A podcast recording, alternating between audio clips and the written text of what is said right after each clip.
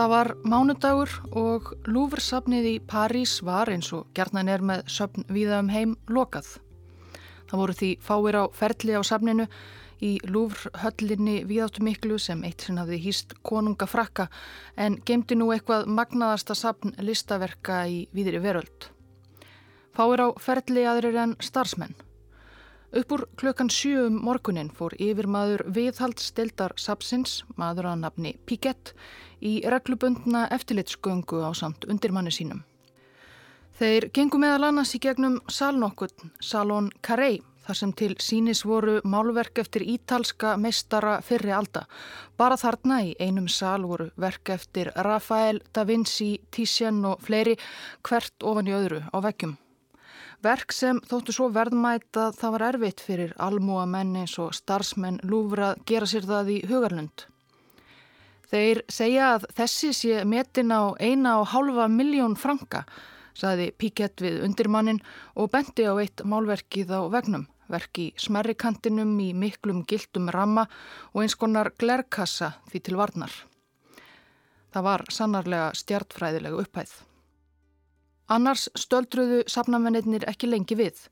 Piquet leita á klukkuna, hún var 20 myndur yfir sjö þegar þeir fóru út úr ítalska salnum og heldu áfram gungunni um álmur sapsins. Einhverjum mínútum síðar smegði smávaksinn ungur maður sér svo lítið bara á út úr geimslukompu annar staðar í sapnbyggingunni. Hann var klættur í kvítan vinnuslopp eins og margir starfsmenn sapsins klættust sem og listinemar sem fengu að halda þar til innan um málverk meistarana og æfa sig að herma eftir. Trönur, penslar og máling var meðal þess sem geimt var í geimslukompunni sem smávaksni maðurinn í vinnusloppnum steg út úr. En hann var korki starfsmaður nýja málranemi. Hann hafði verið í kompunni yfir nótt síðan frá því fyrir lokun kvöldið áður laumað sér inn í sunnudagstrafíkinni á safninu. Þökk sé klæðaburðinum eflaust vakti hann enga sérstaka eftirtekt ef einhverjir urðu hans varir þar sem hann stikaði einbeittur frá kompunni í áttað Salon Carré, sal ítölsku mestarana. Salurinn var mannlaus, Piquet og undirmaður hans voru á bak og burt. Smávaksni maðurinn í vinnuslopnum gekk ragleiðis að verkinu sem Piquet hafði rétt áður bent á og sagt að veri metið á eina og halva miljón franka. Með nokkrum erfiðismunum tók hann verkið niður af vegnum. Þó það væri frekar lítið varða þungt. Verkið var málað á tréfjöl, ösp, málað áður en menn fóru almennt að mála á stryga. Giltur rammin og glerskjöldurinn utanum verkið vóðu þó þingst, 20 kílóa. En það var einhverja síður frekar auðvelt að losa það af vegnum þar sem það hjekk aðeins á fjórum litlum hjárnkrókum. Það var með ráðum gert, sögðu starfsmenn Sapsins síðar, svo hægt verið að bjarga verkum fljótt og auðveldlega í eldsvoða. Maðurinn í slopnum bar verkið inn myrkvaðan stigagang fyrir starfsfólk. Þar gerði hann sér lítið fyrir og losaði málverkið sjálft fimmlega ár bæði gleri og ramma. Nú var þetta bara asparfjöl, rúmlega 70 sinnum 50 cm.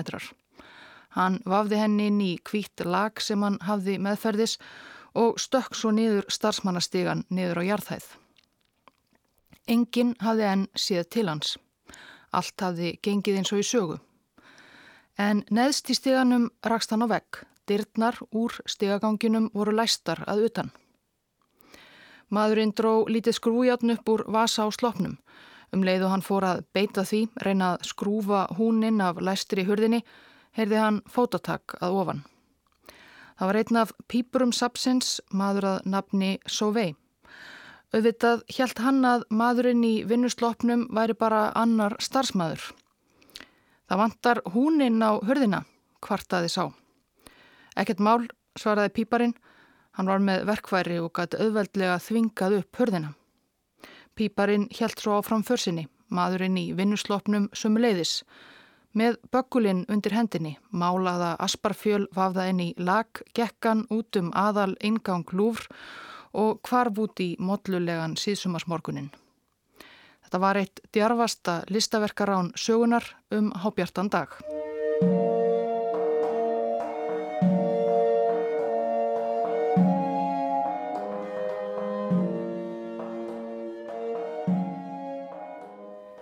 Engu tíman líklegast árið 1503 byrjaði konaðanabni Lisa del Giocondo að venja komur sínar á vinnustofu listamanns nokkur sem ef til vill var að finna í munkaklaustri í Flórens á Ítalju. Hún, Lisa del Giocondo, var af fínum ættum, þarna um 24 ára og átti fjögur börn með eiginmanni sínum Francesco del Giocondo sem hún hefði gifst 15 ára gömul. Francesco var silkikaupmaður á gætlega stæður, hafði þarna nýlega keft húsanda fjölskyldunni rétt við San Lorenzo torg í Flórens, einnig fjölmennustu og auðugustu borg Evrópu á þessum tíma. Kanski var það til að halda upp á húskaupin eða fæðingu sonarins Andrea sem Francesco fól listamanninum að mála portrétt af konu sinni. Við vitum ekki alveg hvers vegna. En við vitum að listamæðurinn var einn þekktasti listamæður síns tíma, sjálfur Leonardo da Vinci, þarna um 50 og við vitum að hann var lengi með portréttið af Lísu. Kvorki hún, nýja eiginmaður hennar, fekk það nokkuð tíman í hendur. Það fekk aldrei að hanga í húsi Giocondo hjónana við San Lorenzo, raunar hverki í heimalandi þeirra. Árið 1516 gekk Leonardo nefnilega í þjónustu Frans fyrsta frakkakonungs og fluttist á sveitasetur sem konungur útveði honum skamt frá Kastala hans í Loardalnum í Fraklandi. Leonardo hafði þá málverkið af Lísu del Giocondo með sér. Hann taldi það enn óklárað og helt áfram að ditta að því þó varla mikið eftir 1517 þegar meistarinn misti hreyfigetu í hægri hendi líklega eftir slag. Leonardo lest svo á sveitasettri konungs tveimur árum síðar, annan mæ 1519, 67 ára og skildi eftir sig mörg verk ókláruð að einhverju leiti. Þar á meðal portrettið af eiginkonu Silkikaupmannsins Lísu del Giocondo. Á verkinu setur hún beini baki með hendur krosslagðar á stólbrygg. Bak við hana er þókukent, framandi landslag, fjöll, dalir og vötn. Hún er með dögt smáliðað hári heldur látlausum klæðum og vott af óræðu brosi. Bros svo dularfullt að komandi kynnslóðir áttu eftir að brjóta um það heilan næstu aldirnar þegar portrettið af Lísu del Giocondo var orðið heimstækt sem Móna Lísa. Móna merkir hefðarfrú á ítölsku. En svo fræð kom síðar. Eftir dauða Leonardos hjælt Frans fyrsti konungur eftir málverkinu af Lísu del Giocondo. Hann hengdi það upp í sérstakri baðálmu í höllinni hans í Fontenu Blö þar sem hann og vinir hans svömluðu í heitum laugum og svittnuðu í gufubaði. Arftakar konungs höfðu Lísu svo hér og þar um höllina, mishrifnir af ítölsku frúni með dularfulla brosið. Sólkonungurinn Lóðvík XIV var hins vegar svo hrifin af verkinu að hann létt flytja það í nýja höll sína í Versölum og hafði það þar í Svefnberginu sínu. Þegar nafna hans Lóðvík XVI var stift af stóli í fransku byltingunni var ákveðið að gera lúfurkastala í París að sapni þar sem almenningur geti notið list dýrgripa hinnar föllnu konungsætar. Móna Lísa átti að vera þar á meðal. Hún átti þó eftir að hafa viðkomið í öðru Svefnebergi. Napoleon Bonaparte dildi hrifningu sólkonungsins á Lísu og árið 1800 letan hengja hana upp í Svefnebergi sínu í Tuileríhöll í Paris. Þar var hún til ársins 1815 þegar Napoleon röklaðist í útlegð til Sankti Helenu og Mona Lisa fekk loks sinn endanlega sess á vegg í Lúfr. Já, ekki alveg endanlegan.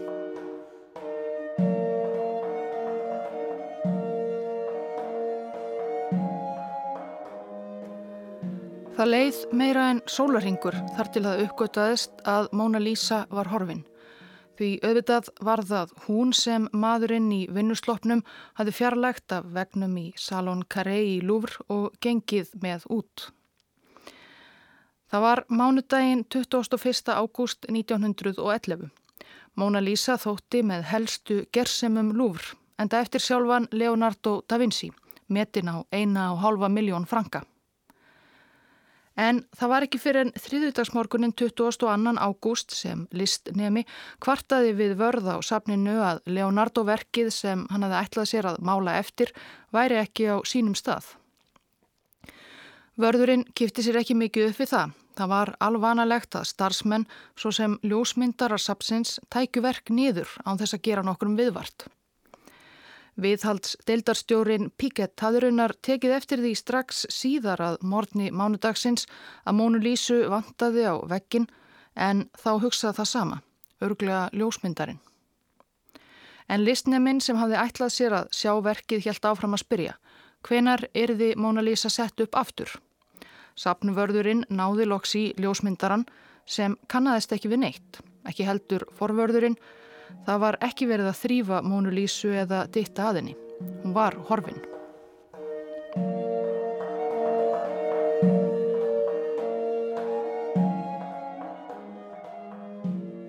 Óhugsandi. Móna Lísa er horfin úr lúr. Ef hún finnst ekki er það ómetallegur missir fyrir Frakland og fyrir listina. Sökudólgurinn, hvað vakir fyrir honum? Þjófur, svindlari, brjálaðingur. Fregnir af kvarfi meistaraverks Leonardos vöktu umsvifalaust aðtegli í Fraklandi og utan. Hvernig gatt svona nokkuð gerst? Á fórsíðu New York Times stóð Mónu Lísu stólið í París. Meistaraverk Leonardos da Vinci horfið úr lúfr. Rammin fannst á stígagangi. Verkið ekki skorið úr rammanum heldur feimlega fjarlægt. Heil her lörglumanna að störfum. Einn af fjársjóðum heimsins. Sumir terja málverkið það besta sem til er. Já, þegar ljóst var að Móna Lísa var horfin var heill herr lauruglumanna kallaður út. Fljótlega funduðir ramman og glerskjöldin þar sem þjófurinn hafi skilið þá eftir á starfsmannastíðaganginum. Píparinn Súvei saði frá manninum sem hann hafi rekist á þar neðst í stíganum og hjálpað út um læstar dyrnar. Ekkert hafi hann grunað og ekki gæti hann gefið sérlega greinagóða lýsingu á þjópnum. Starsmaður verslunar í nákrenninu myndist þess að hafa síð mann skunda framhjá árlaða morgni mánudags með kvítan böggul. Hann hendi einhverju frá sér og laurglumenn fundu síðar þarna í grendinni Látúns hurðarhún sem eitt sinn hafi verið á hurðað starfsmannastegagangi í lúfr. En annars voru vísbendingarnar af skortnum skamti. Lúfr sapni var auðvitað snarlega lokað á meðan laurglumenn leituðu þar í hverjum krók og kema. Fregnir af þjófnaðinum á Mónu Lísu hafa vakið slíka aðtikli að Parísarbúar hafa glemt orðrómnum um yfirvofandi stríð. Borgarbúar söpnuðu saman fyrir utan sapnið til að fylgjast með. Þetta þótti óhugsandi hvernig var hægt að lappa bara út af frægasta listasapni heims, þjóðarsapni frakka með eitt dýrmætasta málverk heims á mánudasmotni eins og ekkert væri sjálfsæðara. Reyndar hafði verið talað um það að öryggismálum á sapninu væri ábútafand. Sapn verðir allt og fáir fyrir þessa víðáttu miklu ganga og mörg hundruð herbergi og sali. Þetta var ekki beint þægilegt mál fyrir yfirstjórn Lúfr sem var dregin sundur og saman í háðibæði og nexlan í frönsku pressunni. Svo var annað. Hvað gæti hafa vakað fyrir sökudólgnum? Vissulega var Móna Lísa metin á heiminháa fjárhæð en erfitt er því að koma svo frægu listaverki í verð án þess að vekja umsvefa löst á sér aðtikli. Kaupandi gæti varla ætlað sér að hengja Mónu Lísu upp í stofunni hjá sér, hann gæti vísast aldrei sínt verkið nokkrum manni.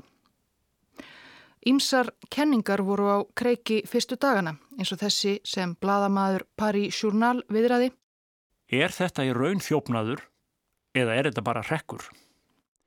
Það væri ekki í fyrsta sinn sem þráin eftir æsilegu skúpi fær einn af kollegum okkar í bladamannastjætt til að reyna fyrir sér í ránum. Ef Móna Lísa var tekin af bladasnápi í leita frétt, þurfum við nú bara að sína örlittla þólinnmæði áður en henni verður skilað aftur á sapnið með miklum lúðrablæstri. Kenninginum að þetta sé allt eitt stór rekkur er sennileg. Hvernig geiti sannur þjófur mögulega grætt eitthvað á því að stela svo heimst þekktu málverki? En þetta var engin rekkur, það varð ljóst með tímanum. Móna Lísa dúkaði hverki upp með lúðrablæstri. Lögurklumenn fóru í gegnum farmflutningavagna sem stemdu út úr höfuborginni. Tvollgæslumenn leituðu í farmi skipa og lesta og farangri farþega sömuleiðis. Ekkert. Ábendingar bárust frá öllum heimshornum. Leitað var um borði í Þísku farþegarskipi í New York og í Lest í Belgiu. Ekkert. Sögusagnir gengu um að ímsir erlendir auðkífingar eins og bandaríski bankamæðurinn J.P. Morgan hefðu pantað verkið af einhverjum bófum. Ekkert var hæft í því.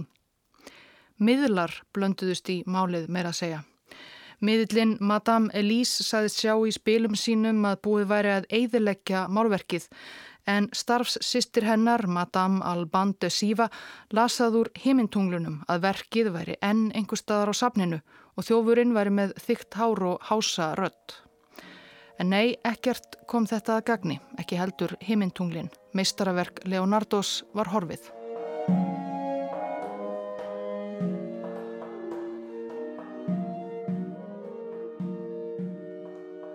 Þegar Lúfur var opnað aftur í lok ágúst eftir að hafa verið lokað í rúma viku streymdu Parísarbúar þangað sem aldrei fyrr til að virða fyrir sér tómarúmið á vegnum í Salon Carré þar sem Mona Lisa hafði eitt sinn verið. Dagblöð og tímaritt Parísarborgar fjölluðu stöðugt um rannsóknina og keftust þar að þau gifið að bjóða verðlaunafið fyrir stólna meistaraverkið.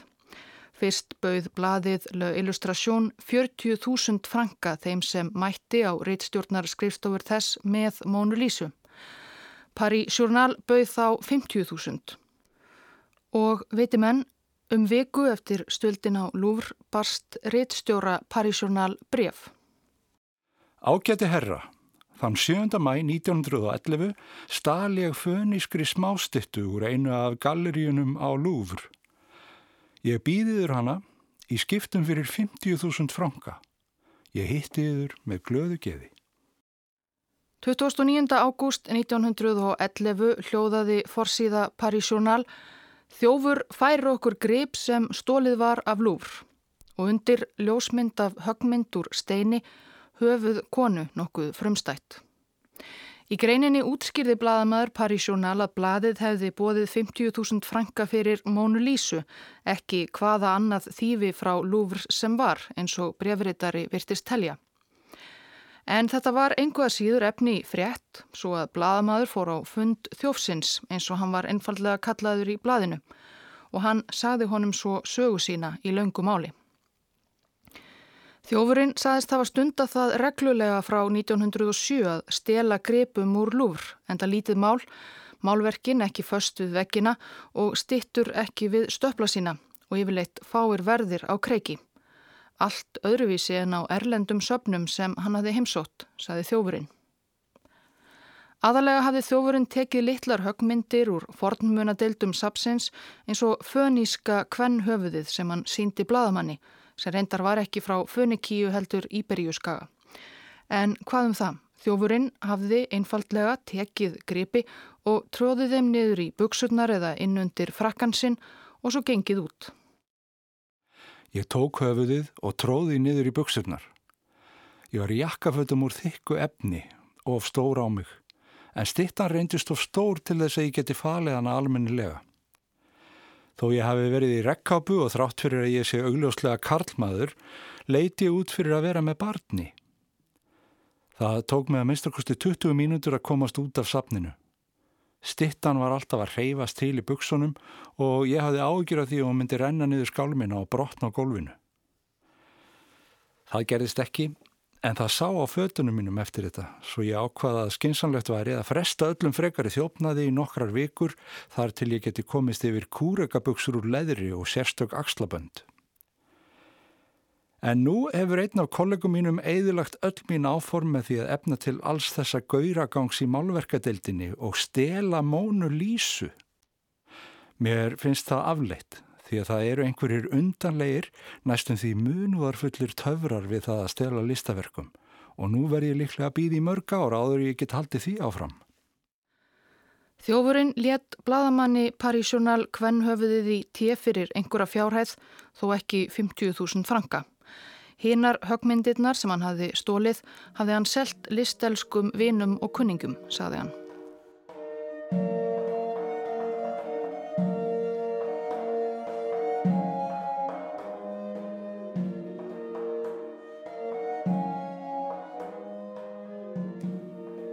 Þó Þó hefð mynda föníska höfuð væri engin Mona Lisa vöktu greinar Parísurnalum þjófin ónemda veitaskuld aðtegli bæði lesenda og lögreglu sem pressuðu áranguslöst á blada menn að gefa upp nafn þjófsins. 5. september 1911 kom svo annar maður á reittstjórn blaðsins með tvö lítil steinhöfuð frá Íberjuskaga sem hann saðist hafa kift á lágu verði fyrir nokkrum. Hann hafði svo fylst með umfjöllun blaðsins um högmynda þjófin á Lúfr og ótaðist nú að hann hafi óavitandi keift þýfi. Jú, högmyndunum sem voru Karl og Kvenhöfuð var vissulega saknað af Lúfr og í þetta sinn tókst Paris Journal ekki að halda nafni heimildarmann síns leindu.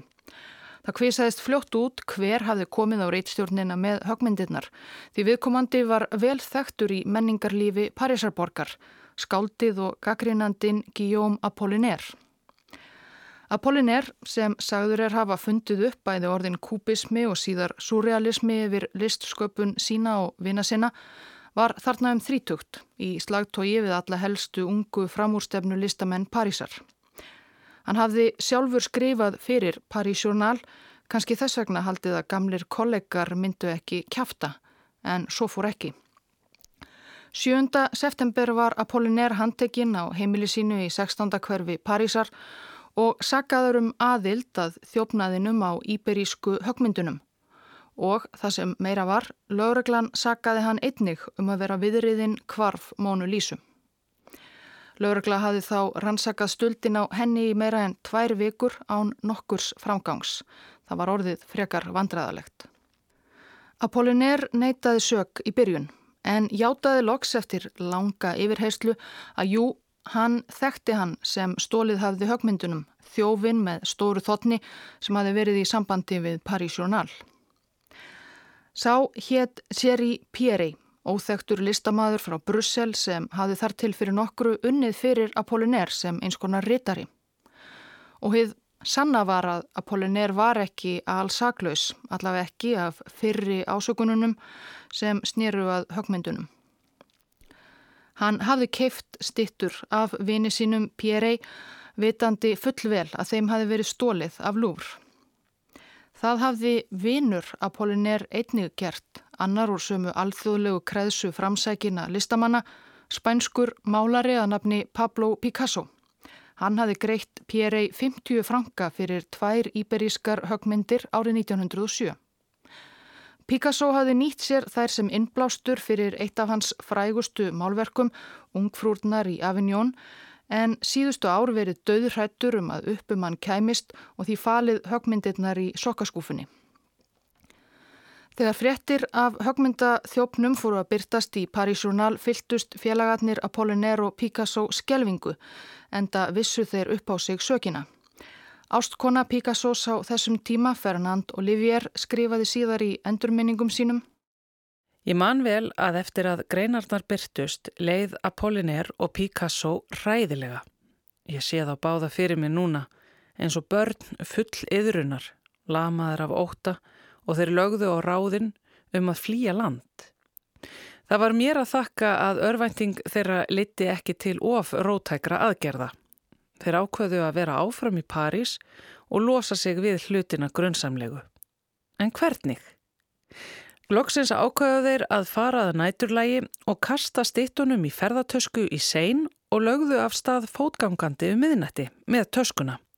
Þeir snýru aftur um tvölitið alveg ör þreyttir. Þeir voru enn með töskuna og stittunar í henni. Þeir höfðu ráfað um göturnar gátt ekki fundið rétta augnablíkið til að kasta henni eða líklegra að þeir hafi ekki þóraði. Allan tíman heldu þeir að einhver væri að elda þá.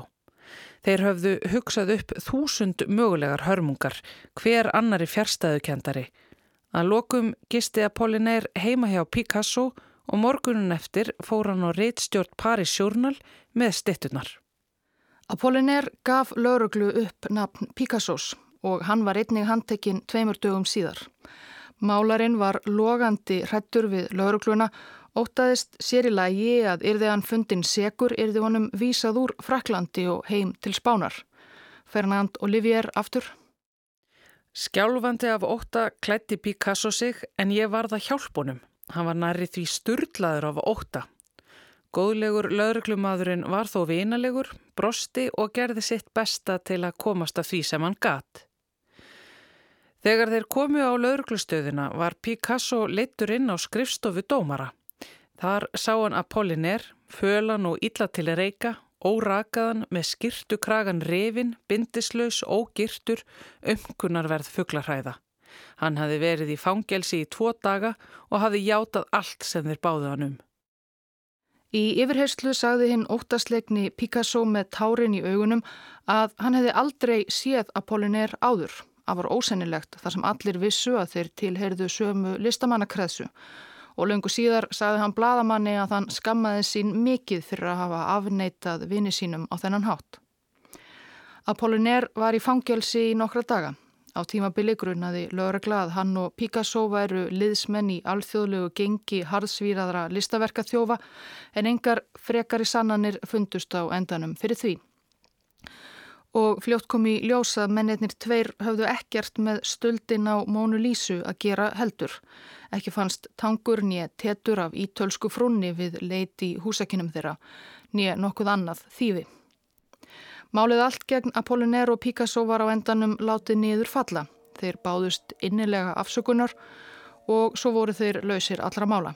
Hinn eiginlegi högmyndaþjófur, Belgin Pierre, var þá löngu stungin af til Brussel og Móna Lísa jafn tínt sem fyrr.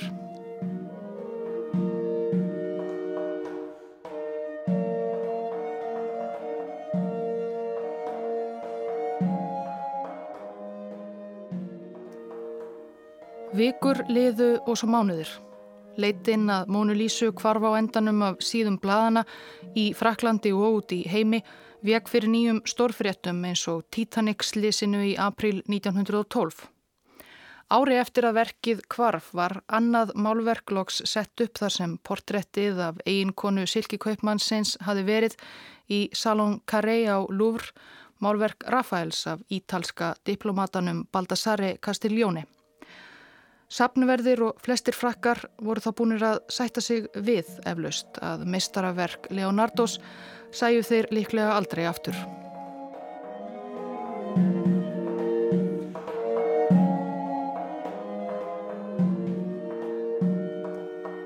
Í november 1913 fekk Alfredo Geri, galleri eigandi í Flórens, ótrúlegt bref frá París.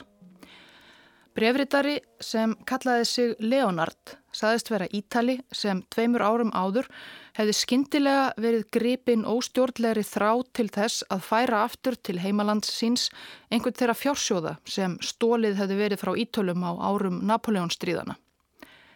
Hann hefði því stólið Mónu Lísu af lúr.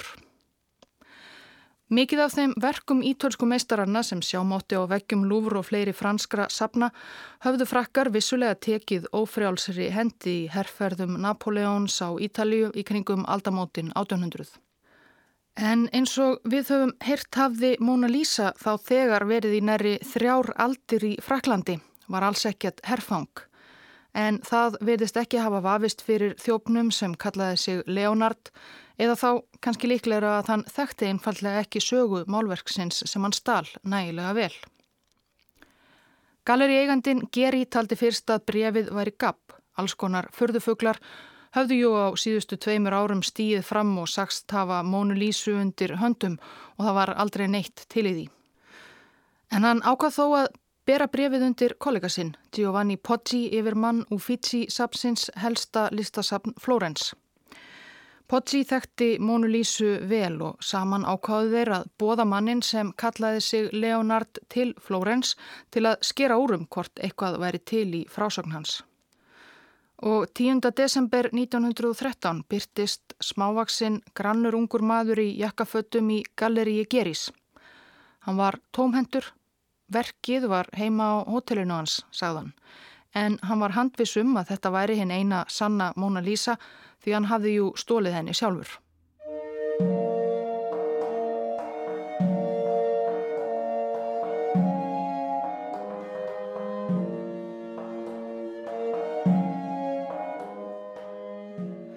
Dæin eftir leiti Leonard þá Geri og Poggi inn í lítið herbergi á Hotel Tripoli rétt hjá aðal domkirkju Flórens. Geri sagði síðar svo frá. Hann læsti hurðinni og dróðundan rúminu koffort úr ljósum við sem var fullt af herfilegu drasli, ónýtum skóm, þvældum hatti, töngum og verkværum, slopp, nokkurum penslum og þar var meiri síðan mandólín. Svo, undan fölskum botni á koffortinu, tók hann hlut sem var sveipaður rauðu silki og fyrir framann okkur forviða byrtist inn guðdómlega Móna Lísa í heilu lagi og vel varðveitt. Leonard, Geri og Poggi fóru saman með málverkið í Kofortinu á vinnustofu þess síðast nefnda í Uffizi-safninu og sérfæðingarnir tveir voru ekki lengi að skera úrum að þetta væri, jú, hinn eina sanna Móna Lísa. Aftan á viðarplötunni mátti meðal annars sjá stimpil og skráningarnúmer lúfr og öll önnur smáatriði, smáskemtir og rispur stemdu. Þetta var ekki fölsun. Leonard sagði að hann hefði ekki stólið verkinu í hagnaðarskinni en hann væri fátækur maður og vildi gjarnan að Ítalija umbunaði honum örlítið fyrir að skila þessari þjóðar gersemi heim. 500.000 lýrur fór hann fram á, það var dágóð summa fyrir fátækan Ítala á þessum tíma en bara brota brota því sem að málverkið var metið á. Helst vildi hann peningana sem fyrst, það var dýrt að dveljast í Flórens. Geri og Poggi kinguðu kolli. Auðvitað fengi hann eitthvað fyrir sinn snúð. En þeir tveir fóru ju ekki með fjármál ítalska ríkisins. Þeir yrðu að ringja nokkur símtöl fyrst. Mennir tókust í hendur og Leonard fór aftur upp á hótel. Um leiðu hann var farin, tóku Geri og Poggi upp síman, ringdu þó ekki í neitt ráþæra, heldur beinti í laurugluna. Leonard var rétt svo komin inn fyrir dyrtnar á hotelherbrygginu þegar tveir laurugluþjónar bönguðu þar upp á.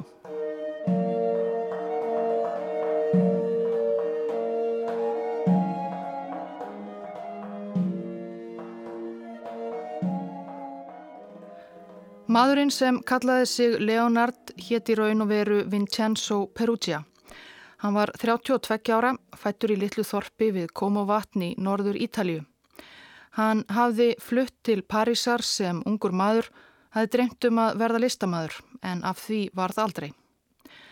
Hann hafði þessi stað fengist við ímislegt meðal annars starfað sem húsamálari og glersmiður.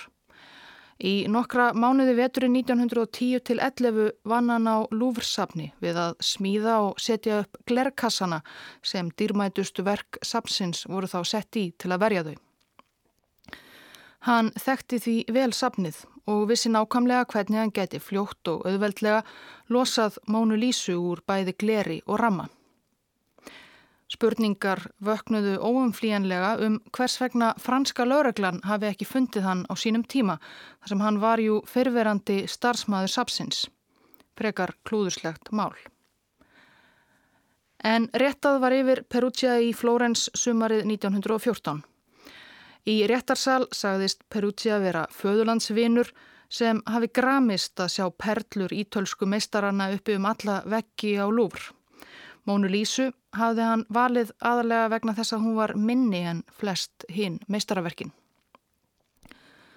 Hann hafði svo geimt verkið í kofortinu heima hjá sér í hrörlegu leiguherbergi í tíundakverfi Parísar í tvö ár áður en hann hafði loks samband við Alfred og Geri þó reglulega tekið hana fram og haft hjá sér á eldúsborðinu. Ég mun aldrei gleima kvöldinu sem ég kom heim með myndina. Ég læsti að mér og tók hana upp. Ég stóð sem bergnuminn fyrir framann Mónu Lísu. Síðan fór ég úr buksunum og ég byrjaði að fytla við mig en hún brá ekki svip. Ég var þórnalam brossennar og glatti augum mín með þessu fjársjóði á hverju kvöldi. Í hvert sinn uppkvötaði ég í henni nýja fegurð. Ég var ástfóngin af henni. Vittnisspörður Perugia stóðst þó ekki alveg. Til að mynda fannst í fórum hans listi yfir listaverkasala og galleri eins og hann ætlaði sér að reyna að hagnast á þýfi sínu og svo hafði hann skrifað föður sínum frá París að nú væri hann alveg að verða ríkur. Hann var líka grunnaður um að hafa reynd að selja Mónu Lísu í Lundunum en því neytaði hann staðfastlega og reytist við. Almanna álit á Ítalíu var með Perugia, föðulandsvininum. Hann var að endingu dæmtur í sjö mánada fangelsi 29. júli 1914. Hafandi þegar setið sjö mánuði í gæsluvarðaldi var hann látin lausum leið.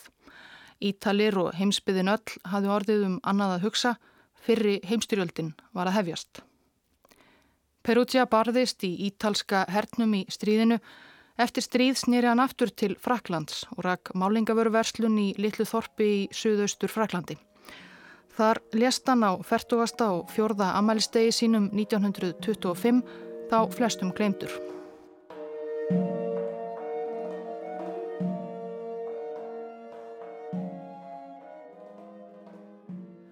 Á meðan Perugia dúsaði í fangaklefa í Flórens var Mónu Lísu skellt upp á veggi í Uffizi-safninu.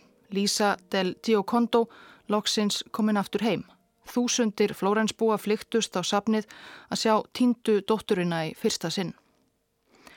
Svo var farið með málverkið á túrum landið svo sem flestir ítalir getur barið meistaraverk Leonardos augum og hvað það um leið eiginlega því alltaf var ljóst að það yrði að snúa aftur til Fraklands. Og 4. janúar 1914 var frúin frá Flórens hengt upp aftur á gamla staðinsinn í Salon Carré á Louvre. Hafaríð í kringum þjófnaðin jók fræð málverks Leonardos af frúnni með dularfulla brosið óneitanlega. Lísa var vissulega rómuð fyrir en glæpurinn gerði það verkum að hún varð óumdeilanlega frægasta málverk heims og er það enn.